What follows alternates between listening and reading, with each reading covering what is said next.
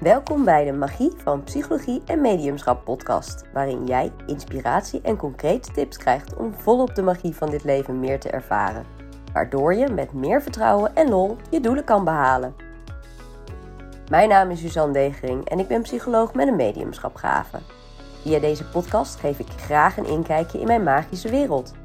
Aan de hand van cliëntenverhalen, gesprekken met experts en situaties uit mijn eigen leven belicht ik psychologische en spirituele onderwerpen en geef ik antwoord op veelgestelde vragen, zodat jij ook meer plezier, vertrouwen en flow kan ervaren. Persoonlijke en spirituele groei. Het begint allemaal bij bewustwording, maar dat kan best wel confronterend zijn. Het is niet altijd leuk om te ontdekken wat je patronen zijn, wat je valkuilen zijn, wat er allemaal in je leeft voor misschien donkere gedachten of pijnlijke gevoelens. Dat is een heel proces. En het is daarom ook een veelgestelde vraag hoe hier het beste mee om te gaan en ja, ook vooral wat het daarna allemaal met je doet. In deze aflevering behandel ik daarom een vraag van mijn cliënt hierover. Haar vraag luidt als volgt. Ik merk dat ik de laatste tijd, vast ook door dit traject, me heel erg bewust ben van alle negatieve gedachten en sabotage die ik mezelf aandoe. De twee sessies en opdrachten tot zover hebben zeker al heel wat inzichten gegeven in familiepatronen en relaties tot mijn ouders. Op vakantie heb ik een breathwork sessie gedaan. Een hele bijzondere ervaring, maar hierna is mijn hoofd zich steeds meer gaan vullen met schuldgevoelens van vroeger, compensatiegedrag, verdriet en het vergrootglas ligt er nu al erg op. Het zorgt in de praktijk voor uitstelgedrag, weerstand, stress en angstgedachten. Vaak bij mensen die juist het beste voor mij voor hebben, mijn vriendinnen. Een soort faalangst. Ik denk tien keer na voordat ik een berichtje stuur voor een weekendje Parijs. Met die groep ben ik avonden aan het voorbereiden, maar ik durf niks te delen. Bij de rest in mijn omgeving heb ik dat niet. Ik baal enorm van mijn eigen angst en onzekere onvolwassen gedrag. Mijn vraag voor nu is daarom: hoe kan ik mezelf hier het beste in helpen? Juist door die weerstand heen pushen of de stress juist niet opzoeken totdat ik er meer grip op heb. Of toch het gesprek aangaan. Misschien kun je me hier alvast wat tips in geven. Natuurlijk help ik je graag. Het is natuurlijk een rot uh, situatie. Als je met je vriendinnen een lekker een weekendje naar Parijs gaat en je je zo onzeker voelt en ook zo angstig. En dan merkt dat je de neiging hebt om ja, of in de controle te gaan zitten met alles voorbereiden. Um, of dat je juist je afsluit van, van die vriendinnen en niet het gesprek aangaat. Je schrijft ook dat je enorm baalt van je eigen angst en onzekere, onvolwassen gedrag. En daarom ook nu de vraag hebt: hoe kan ik mezelf hierin het beste helpen door door die weerstand heen te pushen? Of de stress juist niet op te zoeken totdat je er meer grip op hebt, of toch het gesprek aan te gaan. Ja, en het antwoord ligt wat meer in het midden. Het is genuanceerder dan of het een of het ander. En om daar meer begrip over te krijgen, is het handig om de REEN-methode hierop toe te passen. De REEN-methode is een methode die staat ook in mijn gratis e-book. Die kun je gewoon op mijn website downloaden. Dus dat adviseer ik je sowieso. Maar ik zal hem nu even toelichten. De RAIN-methode staat voor R is recognize, dus een stukje bewustwording. A is acceptatie. I investigate en N non-identify. Laten we beginnen met het eerste stuk. De R van recognize, van bewustwording je bent je natuurlijk al een stuk bewuster geworden van jezelf sinds je nu met jezelf aan de slag bent gegaan door ons traject waarschijnlijk. Uh, maar ook op vakantie schrijf je dat je die breathwork sessies hebt gedaan, maar dat je daardoor steeds meer bent gaan voelen. Um, eigenlijk allerlei gevoelens van, van vroeger. Rotgevoelens, verdriet noem je bijvoorbeeld onder andere. Een stukje angst, een stukje onzekerheid, een stukje schuldgevoel. En dat is inderdaad het vervelende op het moment dat je je bewust wordt van wat je allemaal voelt in je lichaam en wat je allemaal denkt, dan kom je ook hele rottige gevoelens en, uh, en gedachten tegen. En dat is niet leuk, maar dat is wel goed. Want wat er eigenlijk gebeurt, is dat je je bewust wordt welk innerlijk kind er in jou huist. Al die negatieve gevoelens zijn typische gevoelens van ons innerlijke kind wat eigenlijk niks anders is dan oud zeer. En als kind dan hebben we, nou ja, Ehm, ik denk van allerlei soorten ellende in grote en minder grote mate meegemaakt. Alleen, als kind zijnde nemen we dat heel persoonlijk. Dan zijn er misschien negatieve dingen gebeurd of dan heb je niet gekregen wat je nodig had. En dan denken we al heel snel, oh, dat ligt aan mij. We nemen het persoonlijk en we denken dat het aan onszelf ligt, omdat dat ergens prettig is. En dat klinkt misschien een beetje gek. Waarom zou het fijn zijn om, om je schuldig erover te voelen of te denken dat het aan jou ligt? Nou, het komt omdat als je denkt dat het aan jou ligt, dat het ook impliceert dat jij er dus ook wat aan kan doen. En als je weet dat je er wat aan kan doen, dan geeft dat natuurlijk hoop voor de toekomst. Ja, hoop doet leven. Een kind heeft hoop nodig. Die heeft nog altijd goed een hele toekomst voor zich. Het is veel fijner om te weten of te denken dat je er wel wat aan kan doen. En om die schijncontrole te hebben, dan om te weten dat het helemaal niet aan jou ligt. En dat je dus eigenlijk gewoon helemaal geen controle hebt en dat je machteloos bent. Dat is veel te moeilijk om, uh, om dat eigenlijk te realiseren. Dus we blijven liever in de illusie hangen dat het aan ons ligt. En vandaar dat dat schuldgevoel ook zo naar boven komt. Dus het gevoel van schuld en, en angst en onzekerheid zijn hele typische gevoelens die bij het innerlijk kind horen. Dan denk je misschien, ja, daar ben ik mooi klaar mee. En nu? Nou, vervolgens, nu je meer oog hebt voor dat innerlijke kind, is het de kunst om de A van accept toe te passen. Om dat gevoel niet weg te willen poetsen en daar iets mee te willen doen. Vaak als we pijn hebben, dan komt er een soort oerreactie omhoog: vechten, vluchten of bevriezen. En die oerreactie, dat is nou weer een typische reactie van je beschermmodus. Die gaat meestal overcompenseren. Hè, het aanvechten eigenlijk is dat. Voor vluchten. Jezelf inderdaad afsluiten. Of isoleren. Of bevriezen. En dat ziet er in sociaal contact uit als pleasen. En alle drie de ja, mechanismen, de oerreacties van vechten, vluchten of bevriezen, die kunnen in het moment soms handig zijn. Maar als het je standaardmodus wordt en je hier te snel inschiet terwijl het niet nodig is, dan geeft het natuurlijk alleen maar een probleem.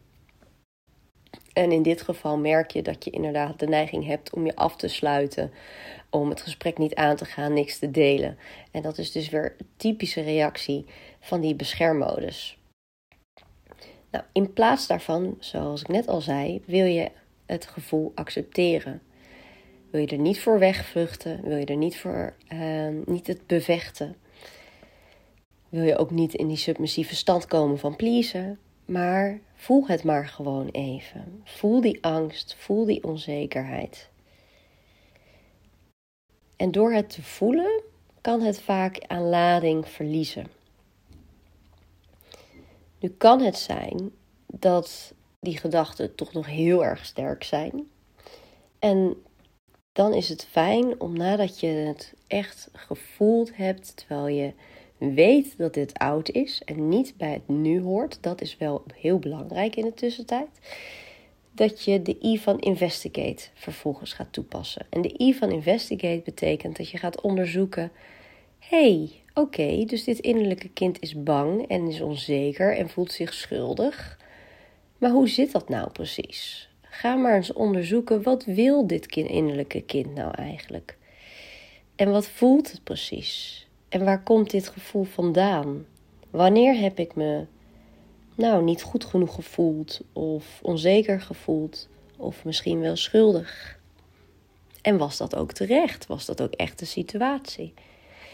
En als we kunnen voelen waar dit gevoel vandaan komt, dan kun je naar de herinnering van het verleden toe gaan en merken: oh, kijk, maar dat hoort daarbij.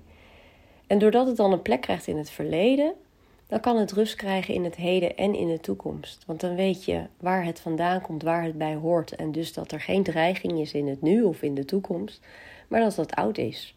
Dus dan kan het ook echt zijn rust krijgen in het verleden. Dat is één manier van onderzoeken. Wat voel ik en waar hoort het bij? Een andere manier van onderzoeken is: oké, wat voel ik en wat heb ik nodig? Wat had ik toen of nu misschien nodig? Misschien heb ik een stukje geruststelling nodig. Dat het allemaal wel goed zal lopen in Parijs. Of misschien heb ik een stukje bevestiging nodig dat ik wel leuk genoeg ben. Of geruststelling nodig dat ik bang mag zijn of het spannend mag vinden. En dat mijn vriendinnen daar wel begrip voor zullen hebben. Dus het is dan ook onderzoeken van maar wat heb je nodig in plaats van jezelf er doorheen te duwen. Dat is namelijk weer een stem van de strenge ouder. De strenge ouder, die is degene die pusht, die geeft op de kop en die zegt: Het is allemaal niet goed genoeg. Het moet zus of moet zo of kom op, we gaan weer door. Dat is typische stemmetje van de strenge ouder, of, oftewel de innerlijke criticus. Dus op het moment dat je deze stemmetjes, deze modi eigenlijk herkent van de innerlijke criticus, beschermmodus en strenge ouder, dan kunnen we precies kijken wat we daar, hoe we een andere afslag kunnen nemen. Bij de innerlijke, innerlijke kind wil je echt ruimte geven, wil je compassie en liefde geven, begrip en acceptatie, dat dat, dat gevoel er gewoon helemaal mag zijn. En mee in gesprek gaan wat het nodig heeft. Uit de beschermmodus wil je vaak blijven door het gevoel te doorvoelen. En de strenge ouder, die wil je vervangen met een gezonde ouder. Die zegt: Oh joh, ik begrijp dat wel. Dat is ook normaal. En wat heb je nodig? Hoe kan ik je helpen? En te kijken of de gezonde ouder, de gezonde volwassene, jou dat kan geven wat je op dat moment nodig hebt. Dus heel concreet, wat betekent dat? Een strenge ouder of een strenge ouder, die vervang je innerlijke kritisch met dat eigenlijk stemmetje van zelfcompassie. Dat is de stem van de gezond volwassene. Die zegt, joh, natuurlijk ben je bang. Ehm, dat is helemaal oké. Dat is een oud kindgevoel van je innerlijke kind. Wat heb je op dit moment nodig? Misschien een stukje geruststelling, misschien een stukje bevestiging. En kijk maar of je jezelf dat kan geven. Nou, misschien is dat lastig om jezelf dat te geven. Maar misschien kun je daarin dan beginnen met een lijstje te maken van dingen die je spannend vindt. En jezelf aan te moedigen door de minst spannende dingen van je lijstje aan te gaan en jezelf te geruststellen dat het wel goed komt. Dat je hiermee kan beginnen om deze angsten te overwinnen. In jouw geval zou je bijvoorbeeld kunnen kijken of er één goede vriendin tussen is die je vertrouwt. En dat je die voorzichtig vertelt, nou, dat je het wel spannend vindt. Dat je merkt dat je de neiging hebt om je een beetje terug te trekken. Of dat je de neiging hebt om je overdreven voor te bereiden. Maar dat je eigenlijk gewoon even wat geruststelling en bevestiging nodig hebt. En of ze misschien jou hierbij kan helpen.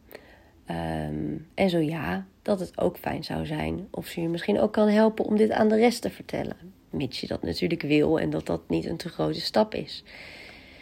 Dus kortom, die angsten die heb je. Wees geduldig ermee. He, ze mogen er zijn.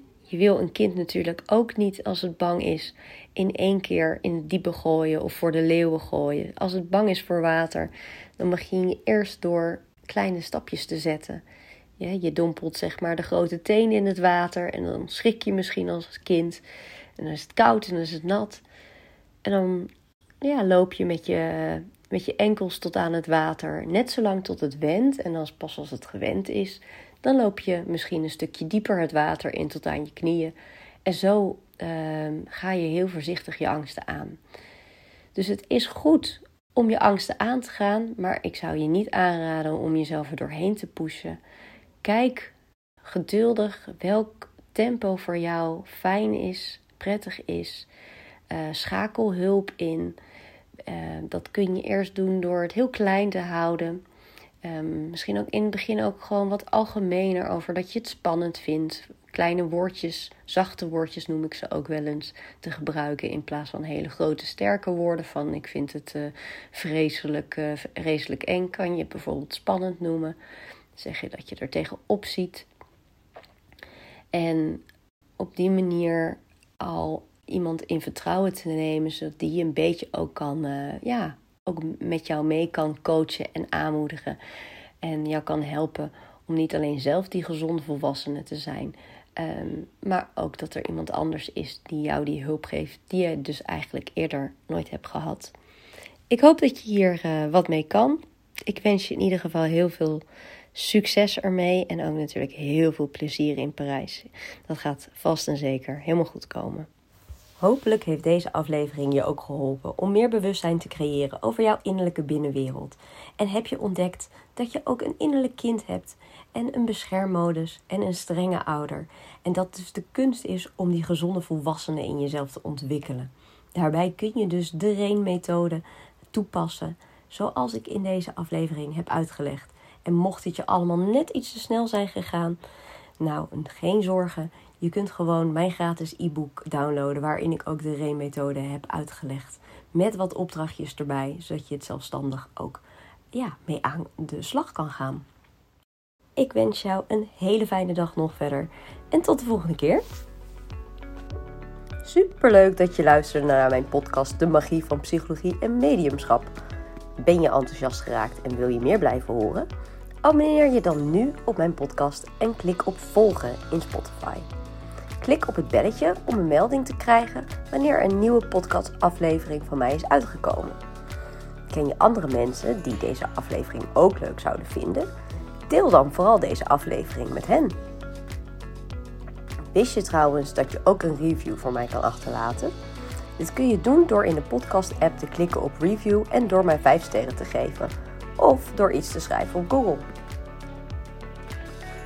Tot slot heb ik nog wat leuks voor je. Wil je meer ruimte maken voor magie in jouw leven door beter je intuïtie te volgen? Haal dan de ruis op de lijn weg en begin met het creëren van meer emotionele rust. In mijn gratis e-book Licht Leven vertel ik je welke stappen je hiervoor kan zetten. Download hem op mijn website www.suzandegering.nl.